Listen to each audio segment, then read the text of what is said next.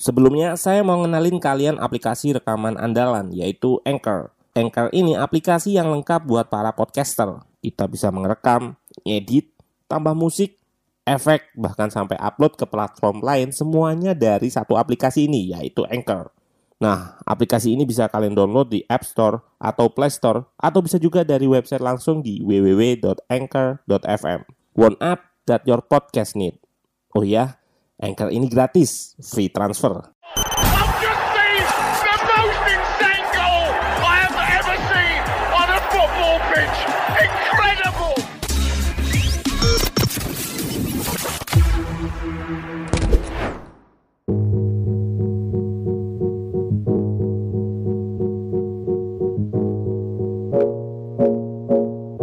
Halo, selamat datang di channel Ruang Taktik. Di video kali ini kita akan analisis pertandingan Malaysia versus Indonesia.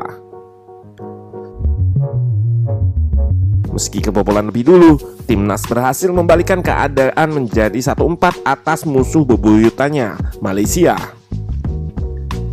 Sintayong menjelaskan di konferensi pers bahwa dalam tim meeting sebelum pertandingan meminta pemain jangan panik meski kebobolan, tetap percaya diri dan tetap bermain sesuai taktik.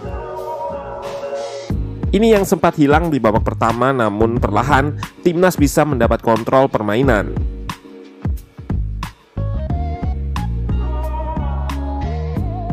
Nah, penasaran dengan jalannya pertandingan dari sisi taktikal? Let's go, kita bahas sama-sama. Di atas kertas, kedua tim bermain dengan formasi sama, 4-3-3.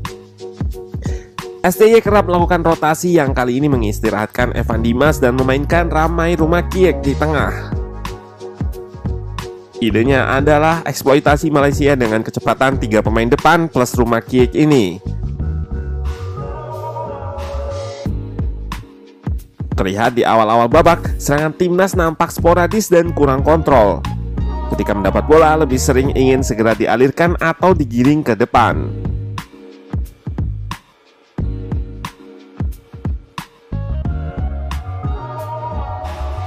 Catatan ruang taktik, pemain harus melihat defensive shape atau struktur pemosisian pemain bertahan Malaysia. Jika terlihat masih rapat dan jumlahnya masih banyak, baiknya bola disirkulasi dahulu dan nggak terburu-buru masuk kotak. Karena akan menyebabkan banyak lari akibat transisi atau hilang bola dan harus rebut kembali.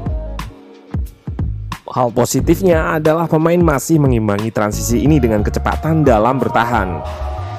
Pun begitu, timnas kebobolan juga karena hal tadi, kurang tenang ketika mendapat bola dan ingin segera melepasnya.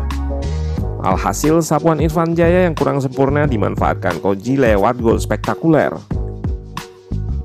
Saat melakukan sapuan ini, Irfan relatif nggak ada gangguan dan hanya tiga pemain Malaysia di sekitar pertahanan.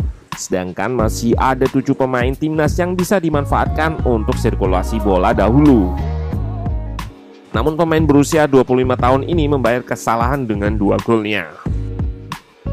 Timnas nampak mencoba lebih tenang setelah gol ini. Bangun serangannya menggunakan Asnawi yang bermain ke tengah seperti taktik Pep Guardiola atau menjadi false fullback.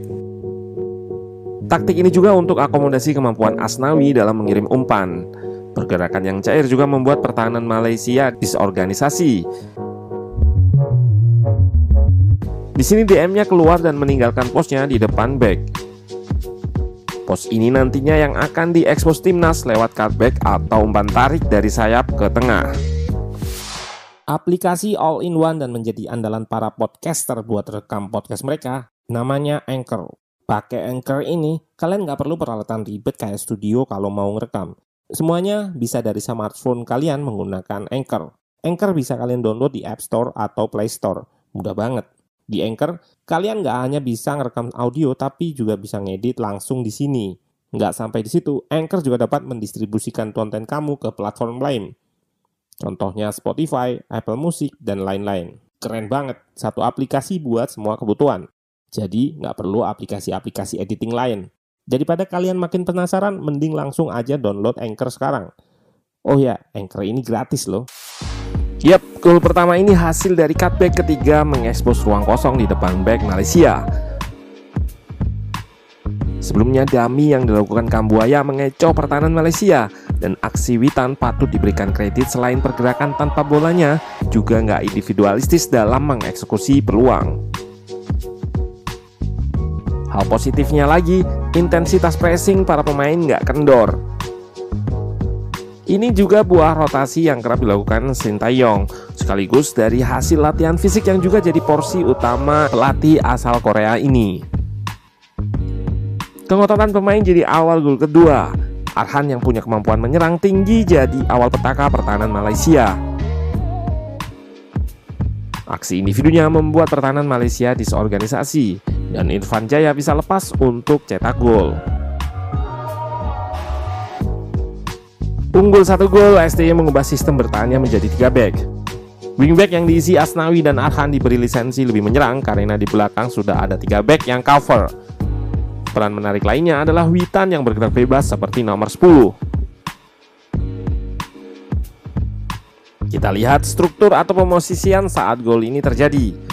Pemain Indonesia mengisi luar kotak penalti untuk menjaga bola muntah tanpa ada pemain Malaysia. Arhan bebas dan gol terbaik turnamen ini terjadi. Set piece bisa jadi salah satu senjata menjelang semifinal nanti. Elkan Bagot menambah keunggulan juga lewat sepak pojok memanfaatkan posturnya. Malaysia makin hancur karena pemain Ipswich Town ini.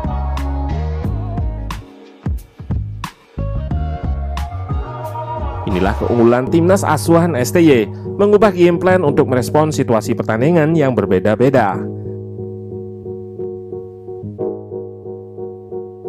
Satu hal yang masih terjaga adalah intensitas pressingnya yang tetap tinggi.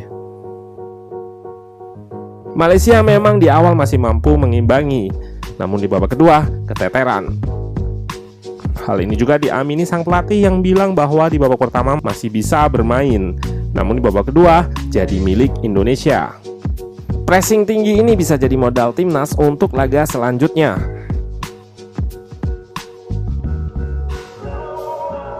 Taktik STY yang berubah-ubah juga akan menjadi efek kejut buat Singapura nanti.